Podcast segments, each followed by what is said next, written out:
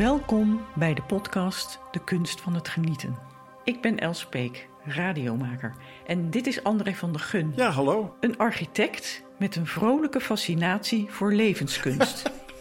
Hij is ontzettend nieuwsgierig naar mensen die met hart en ziel gaan voor hun passie. Daarom reist hij heel Nederland door om die mensen te ontmoeten. En omdat hij hun verhalen graag met iedereen wil delen, reis ik met hem mee. We treffen elkaar bij Bagels Beans, de vrijplaats voor koffie, bagels en geluk en sponsor van deze podcast.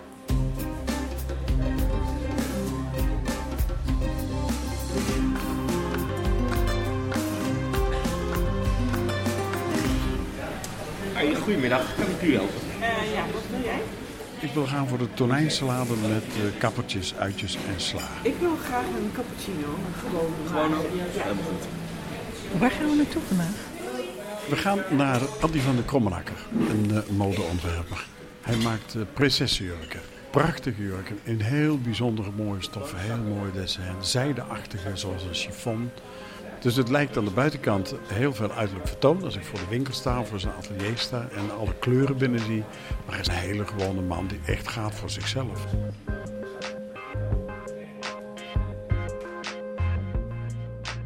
Aflevering 3.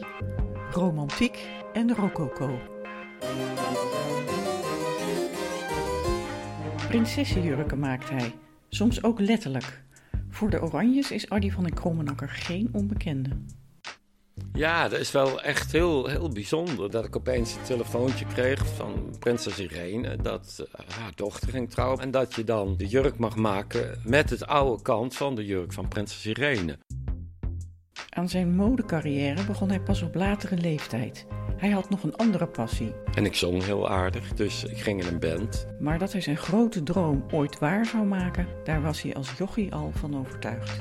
Ik zei niet veel, maar ik dacht gewoon, ja, ik zal het in mijn leven alleen moeten doen. En ik weet gewoon wat ik kan. Dat moet ik zeggen dat ik ze vroeg, heel vroeg al had. We zijn in Addy's winkel in Den Bosch. Het hangt er vol met jurken in allerlei kleuren en gemaakt van bijzondere stoffen. Ja, mijn kindjes, hè. In een hoek staat een meisje. Terwijl ze wacht op haar sollicitatiegesprek voor een stage, vergaapt ze zich aan Addy's creaties. Alles wat erin zit, bijvoorbeeld er zitten gewoon omgevingen in een jurk, ja, dat is super. Gebouwen en zo, en dat zit dan op een jurk, ja, dat wil je gewoon aan. We krijgen een rondleiding door de winkel. Mijn pret collectie meer toegankelijk, maar tevens ook mijn couturecollectie. Dus stukken waar maar één jurk van is en ja, waar ik heel mijn hart en ziel ingestopt heb. Hier zie je een prachtige brokaat zijde en die is gemengd met ja, een vishengeldraad. Dat geloof je niet, maar daardoor krijg je echt dat hele bijzondere uitstaande effect. De jurk moet dan ook een kunstwerk zijn en dat zie je. Dit is bijvoorbeeld een jurk ja, waar ik bekend om sta, waar mensen, heel veel mensen hier naar, naartoe komen om een jurk te laten maken. En dat is gewoon het flinterdunne chiffonzijde materiaal. Je begrijpt, als je dit aan had, dan voel je je gewoon op en top vrouw of prinses. Wat ik voor me zie is inderdaad flinterdun. Mooi van kleuren. Vrouwelijker kun je er niet gekleed gaan, denk ik. De onderkant een beetje opgetrokken, waardoor, denk ik, de benen en de voeten heel mooi tot uiting komen. Het beweegt mooi, de jurk beweegt mooi mee als, het, als je loopt, denk ik. Ja, nou, eigenlijk zit hij echt opgetrokken. Maar ja, luisteraars denken dan dat het soort van uh, gedrapeerd opgetrokken. Maar dat is het niet, want het is... Hoe noem je dit? Kijk, eh, zeg maar, het zijn verschillende lagen zijde. En dan in alle lagen, in de zoom, doe ik een soort van draad. Waardoor je echt dat dansende effect krijgt. Dus als je loopt, dan gaat de jurk al helemaal bewegen. Ja, dat zie ik ook in, in de armen. Ja, en dan in de mouw heb je natuurlijk die mooie, van die dunne zijde, heb je die ballonmouw, die nu weer gelukkig terug is op het modetoneel. Daar ben ik wel blij om. En hang je er dan een sjaalachtige vorm omheen om wat meer beweging te creëren? Ja, ja. Dus dan boven is hij gedrapeerd en dan mhm. kun je hem prachtig strekken met dit materiaal. Ja. En ik zag jou al kijken naar deze. Mhm. dat, ja. jij, jij, begon er al aan te voelen en zo. en weet je wat het is? Dat is een soort van duikmateriaal. Duikmateriaal? De scuba, scuba-achtig. En dat heet neopreen. En dat is ook momenteel, daar heb je allerlei variaties in. En ik heb er een jas in gemaakt, zie je? En dat heb ik speciaal laten borduren. En dat allemaal met die een beetje rococo-achtige print. Ik hoor dat dit heerlijk draagt. Ik heb het zelf niet uitgeprobeerd, maar. kijk, en dan zie je hier bijvoorbeeld. Kijk, dit zijn prachtige couturestukken. Maar dan zie je hier gewoon een ready-to-wear, ofwel pret-à-porter jurkje. En dan moet ik er meerdere natuurlijk van produceren om die prijs te kunnen krijgen. Maar je ziet het, dit is toch een echte Addy. En de print zit erop. En het jurkje kost 149 euro. Wat is een echte Addy? Wat zijn de meest in het oog springende kenmerken? Ehm, ik denk, uh, Adi is, uh, staat voor vrouwelijkheid, nooit over de top. Ik wil geen ontwerpen maken om te laten zien van een soort van kunstwerken, kijk eens wat ik kan. Ik wil gewoon mooie jurken en mooie kleding maken voor vrouwen die zich daar fijn in voelen. En ja, eigenlijk is dat een jongensdroom vanaf mijn kind zijn. Ruisende jurken, mooie avondjurken, uh, vrouwen die van hoge trappen komen en scheiden. En ja, misschien is de werkelijkheid anders, maar dat was mijn droom altijd. ja. Even openmaken, ja. ja. Nee, mijn stagiairs moeten even de... Maar niet de, door de stof snijden, want dan zou het zonde zijn. Ik stond er net aan te kijken. Ja. Ja, dit is natuurlijk spannend, hè? Want hij wilde dit al de hele week zien. Je vindt het echt spannend? Ja, ja? ja ik ben wel benieuwd wat. Hij vindt het spannender dan de hele dag strijken. maar ja, dat moet ook gebeuren, hè? Ja.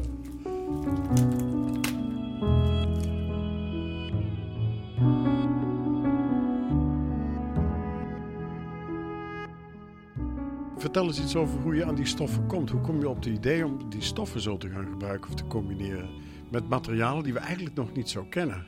Ik werk dus de halve week in Milaan. Ja, ik heb daar zoveel contacten opgebouwd in de loop der jaren. En dan ga ik ateliers ga ik bezoeken en, en alle noviteiten bekijken. Ja, en stoffen is gewoon eigenlijk mijn leven. Want eigenlijk begint het bij de stoffen. Kijk, heel vaak dat mensen zeggen van, uh, die denken aan ontwerper, die denken aan, je zit aan een prachtige tekentafel en, uh, en je maakt alleen maar schetsen, schetsen en dan zeg je dit moet het worden en het wordt uitgevoerd. En de jurk is maar ja, zo gaat het niet, want ik ga gewoon uit van de stoffen, want als je bepaalde stoffen gebruikt, ja, dat bepaalt de valling van de jurk en dat bepaalt hoe de jurk eruit ziet. Dus ik ga liever met de stof mouleren op de pop. Dat heet dus echt de jurk nadoen op een pop. En dan dat zo spelden dat je kunt zien wat het überhaupt wordt. En dan moet je bekijken van hoe, hoe ga je hem voeren. Uh, dat bepaalt ook een jurk. Of hij licht blijft, of die, dat hij zwaar wordt, of dat hij meer beweegt of minder beweegt. Dat zijn allemaal dingen die heel belangrijk zijn en die zie je niet terug in een tekening.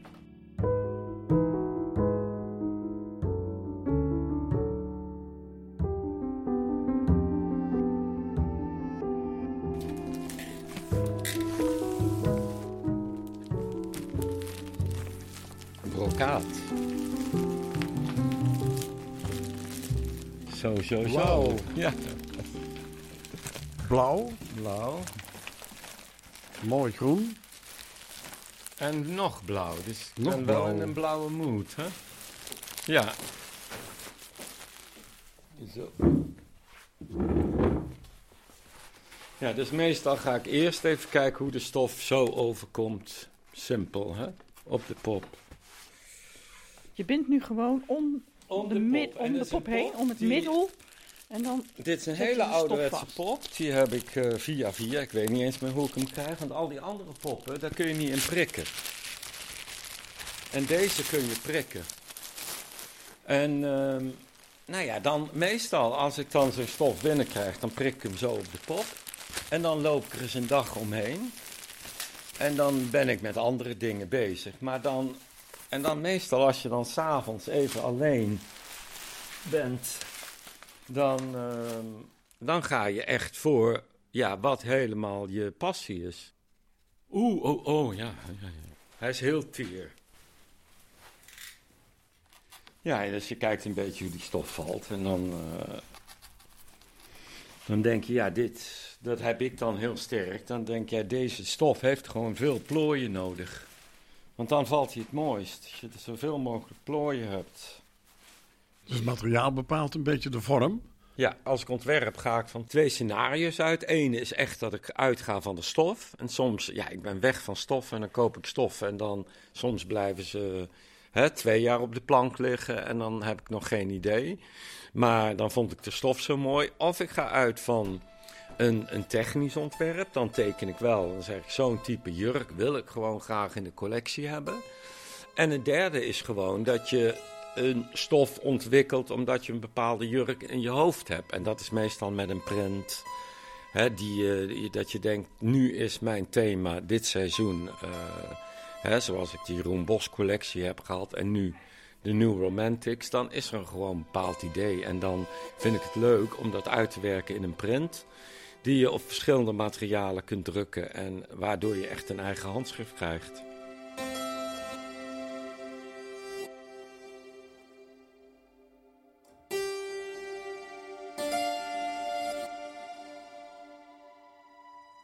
Dat uh, Jeroen Bos jaar, want daar heeft een beetje jouw ontwerp mee te maken, is dat vanuit jouzelf geboren? En ik zie steeds delen van de Tuin der Lusten. Nee, dat is eigenlijk heel apart gaan, omdat uh, natuurlijk hier al gronsde jaren daarvoor dat die grote tentoonstelling zou komen. En ja, ik had me nog niet echt verdiept in Jeroen Bos. En toen werd ik gevraagd door het Noord-Brabant Museum om een sjaal te ontwikkelen. En toen ben ik echt in zijn werk gaan verdiepen. Maar ik wilde eigenlijk niet de Tuin der Lusten, omdat ik dat te cliché vond.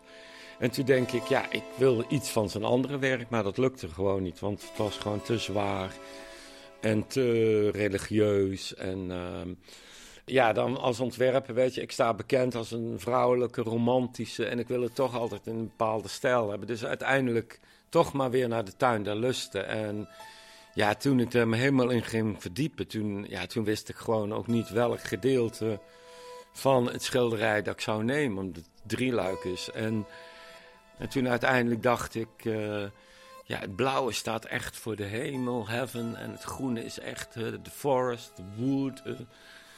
Dus uiteindelijk heb ik ieder deel van het schilderij apart belicht. En daar alle negatieve elementen uitgehaald. De meeste negatieve elementen en alles wat geromantiseerd. En toen is daar, zijn er drie prachtige sjaals uit ontstaan. En die heb ik aangeboden aan het museum. En die zeiden, oh, we gaan ze gewoon alle drie nemen. Want ja, het staat voor drie verschillende thema's.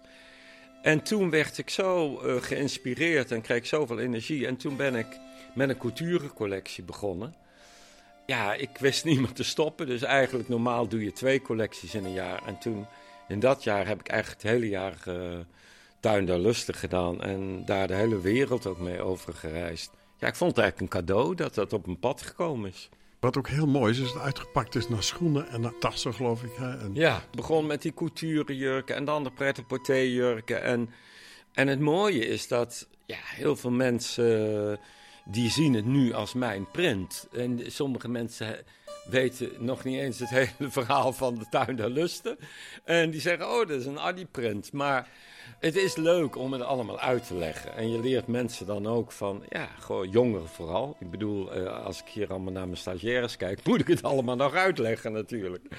En het is natuurlijk heel leuk dat dat jaar was geweldig. Dat we hier in het bos zoveel toeristen hadden. Dat er gewoon iemand uit New York en noem maar op, die, die dan speciaal die tentoonstelling kwam bezoeken. En ja, bij Adi ook binnenliepen.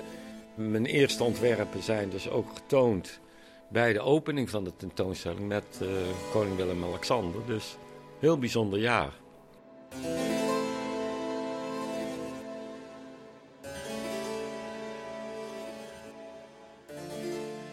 Kijk, dit is natuurlijk geweldig. Hè? Fantastisch.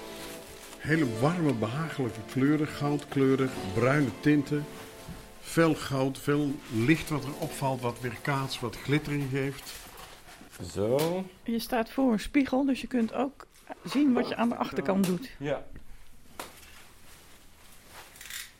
Nou, en kijk, in, bijvoorbeeld in dit geval, dan denk ik, ja, prachtig. En dan ik, heb ik nog kant wat daarbij kan. En dan ga ik achter naar de voorraad. Kappertjes. Oeps, gordijnen. Smal. En hier Planken Ja, vol ja, met en dan zie je hier bijvoorbeeld alle kanten. Dozen hè. met kant, kant. En Oh. op kleur. En toevallig heeft dat gisteren, heb ik dit opgeruimd. Dus dit is heel Opgeruimd. Dit is netjes. Jij denkt, nou, dit vind ik niet netjes. Maar Echt een ontzettende stapel met dozen met ja, allerlei hier kanten. prachtig blauw kant en hier dit. Kijk, dat is geweldig. En dan heb ik dus hier goudkant. En dat past dan misschien bij die Dat stof om die we pop. niet, hè? Maar Dat dan, ga je dan, uitproberen. moet- dan neem ik dat, ga ik dan uitproberen.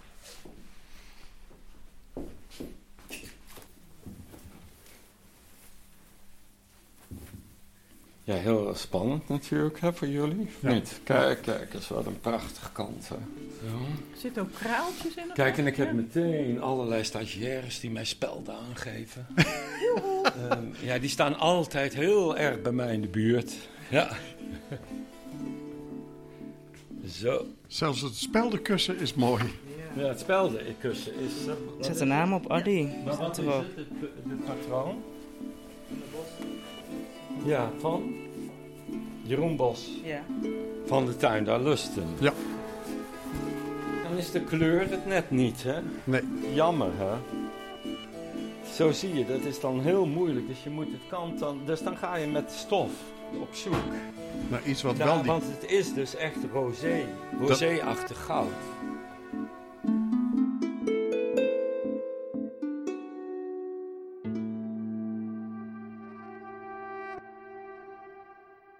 Ja, de jurken, die, je bent er zo mee gegroeid en zo de wereld over gegaan. Dat heel veel prinsessen inmiddels hier naartoe komen om jouw jurken te, te kopen en te gebruiken en te nemen.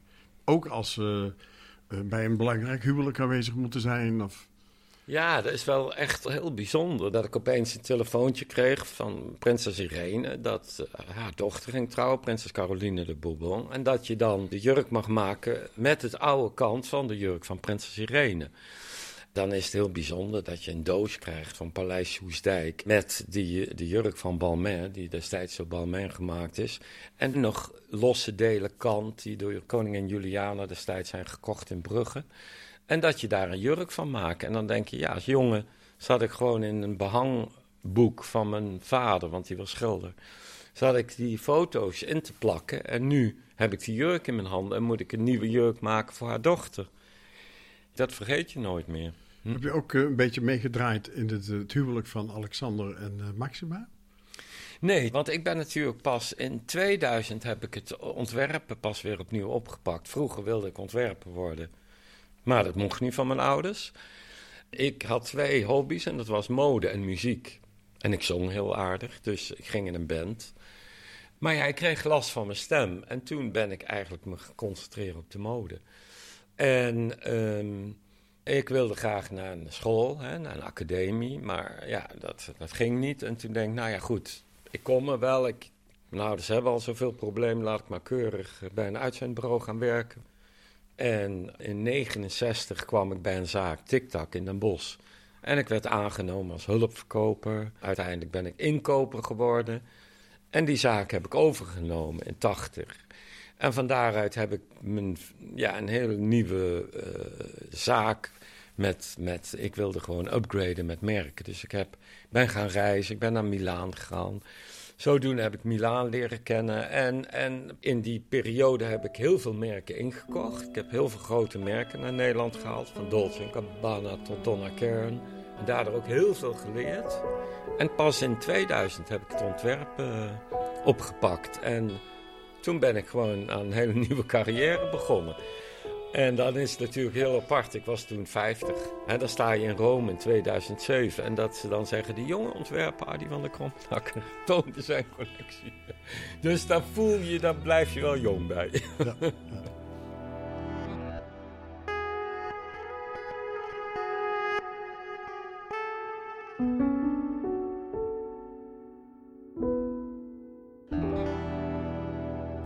even, hè, want je had het net over dat je als jongetje dan, je vader zat in het behang. Ja, Dat beeld, jij bent een behangboek en daar plak je foto's in? Of? ja. Mijn ouders hadden een winkel en die winkel was een soort van bazaar, vond ik als ik er nu aan denk. Want we verkochten sigaretten, we verkochten schilderspullen en werf en behangboeken. En mijn moeder stond in de winkel en ik eh, had natuurlijk een kindermeisje, dienstmeisje. Het had een groot huis en dan was er een grote plaats en dan was de werkplaats van mijn vader en de knechten. En die liepen de hele dag door dat huis heen. En ik zocht altijd een plekje gewoon waar alle deuren dicht bleven, maar dat was er gewoon niet.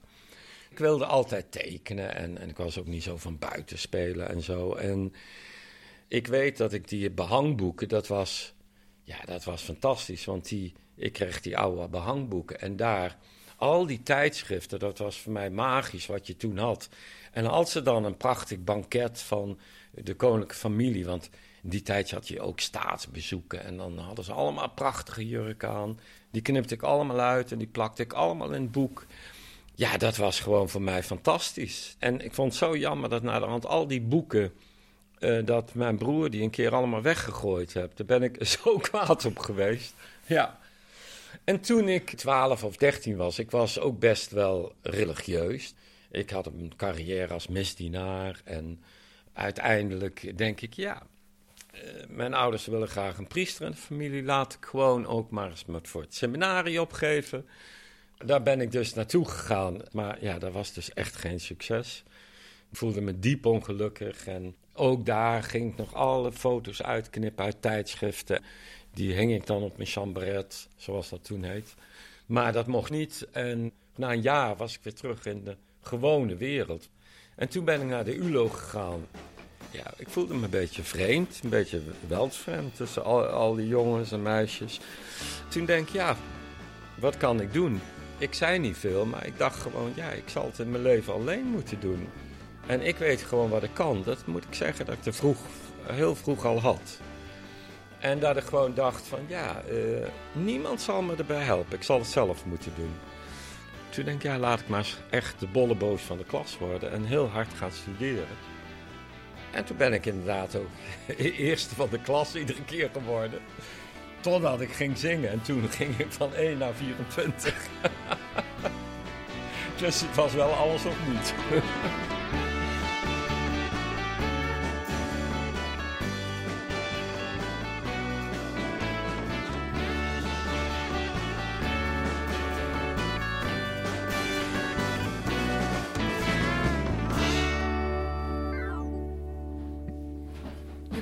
verdwijnt zo langzamerhand in een hele berg stoffen. En dat moet dan weer allemaal opgeruimd worden. Hè? En dan zie ik al een lachende Maar stagiaire. dat doen dat de stagiaires dan? Nee, die kunnen niet opruimen. Nee? Nee? nee, nee, nee, nee. Ja, wel, eh, je hebt het goed gedaan, maar, maar echt opruimen is natuurlijk best wel moeilijk. Om alles op de goede manier weg te zetten. Ook niet, hè? Opruimtje. Dus hier heb ik nog heel wat avonden voor nodig.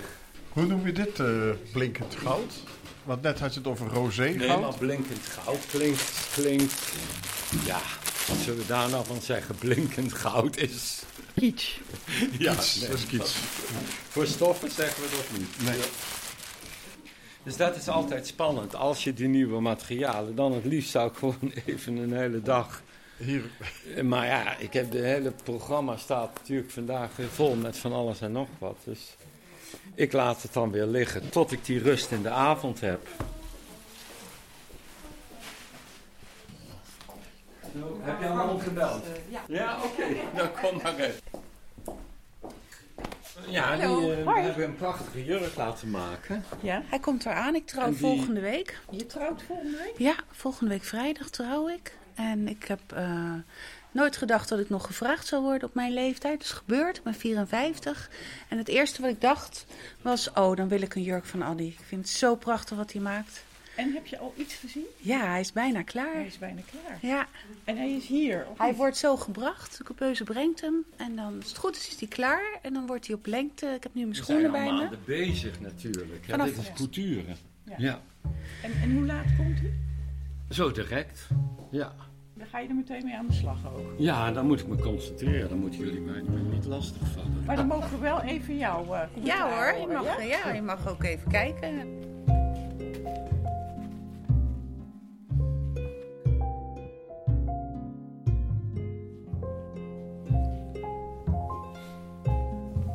Als, als, je, als er iemand hier de winkel binnenkomt, dan kijk je naar de persoon. Ga je dan al stoffen bij denken, of vormen bij denken, of kleuren bij denken? Begint het zo? Ja, en een klant komt en zegt dat en dat heb ik. Want het is meestal iets, een speciale gelegenheid waar ze dan komen. En dan luister ik wat het is. Hè. Gisteren was er iemand die zei: Ik ben 50 jaar getrouwd. Ik zeg: Jee, dat is mooi zeg. dus, en uh, er was een hele leuke, vlotte vrouw. En uh, ja, dus dan ga ik nadenken. En dan denk ik, ja, de, en ze zegt: Nou, ik ben helemaal geen type voor een avondjurk. En, uh, maar ik wil wel iets speciaals, snap je? En uit, uiteindelijk heb ik een hele bijzondere jas. Met een, met een tijgervoorstellingen. En die vrouw kreeg daar zoveel kracht. En die had zelf ook humor en zo. Dus je, het is één op één met de klanten.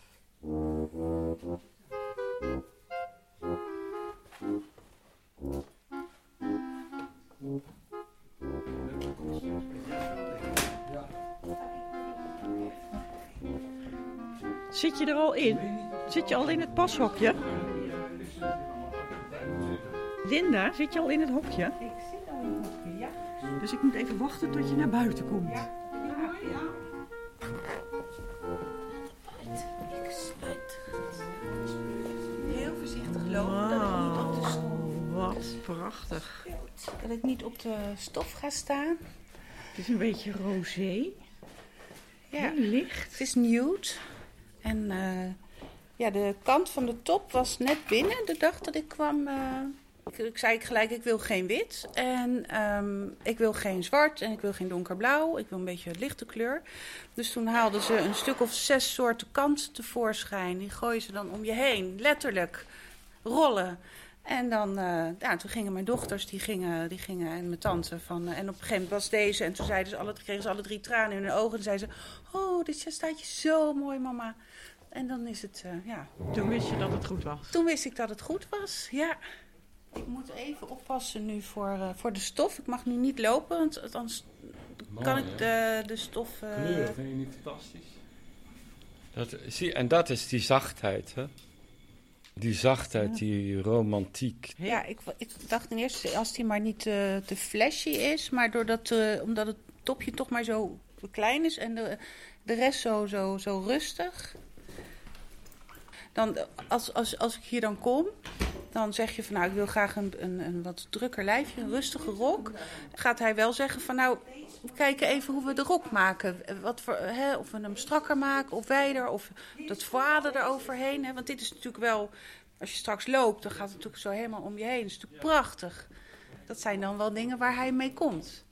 Maar uiteindelijk ja, moet je zelf natuurlijk ook wel heel blij zijn. eh, Heel blij zijn daarmee. En ik, ik ben heel blij daarmee, ja. Heel slank wederin. Ja, hè? Heel slank. Ik stop nu ook met eten. Hè? Ik kom net van, we zijn op pre-honeymoon geweest naar de Malediven. Nou, dat is niet goed voor je lijn. Pre-holiday. Ja, Oh, dus heb, eh, geweldig. ja, nou een kleurtje. Maar nu, nu stop ik echt met eten. Er gaat, geen, er gaat niets meer in. eh blaadje slaap. Tot vrijdag. Prachtig.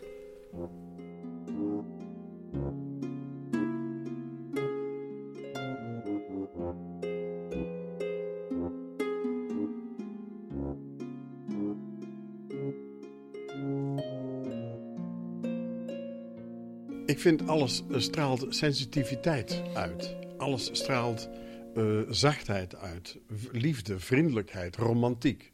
Al die prachtige woorden, die, die zie ik allemaal terug in de kleuren en in de vormen en de soorten van materiaal. Ja, dat zit in me. En dat, eh, ik weet nog bij mijn eerste collectie, ja, en dan neem je afstand. Dan denk je, nou, ik kan dit nooit weer evenaren.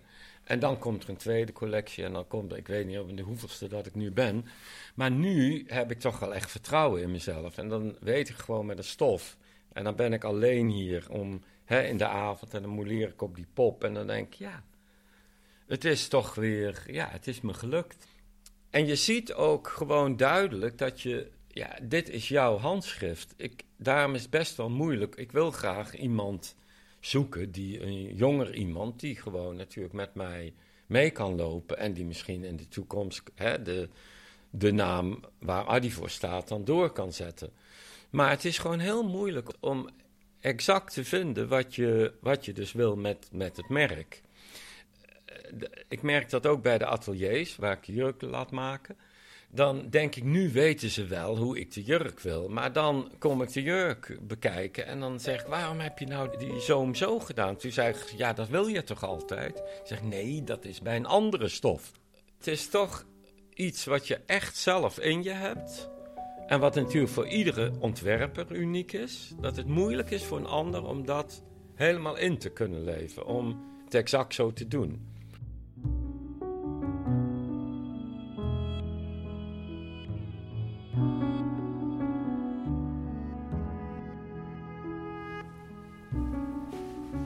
Ja, dit is ook heel erg mooi. Nou, dat is ook heel mooi.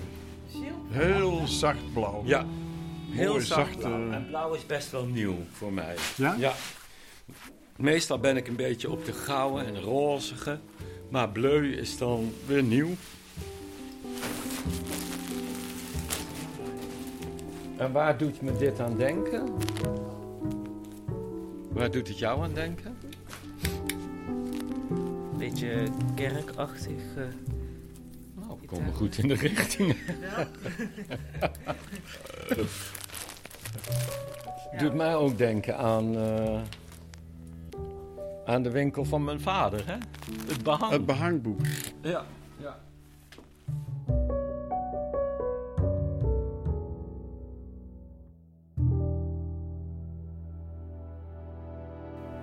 En het is natuurlijk heel apart als je dan vroeger in Ude aan de keukentafel... zo'n afschuwelijk plastic kleed lag daarover... en dat je dan die tekeningen maakt... en dat je dan naar de hand echt prinsessen mag kleden. Dus dat had die jongen vroeger ook natuurlijk niet gedacht.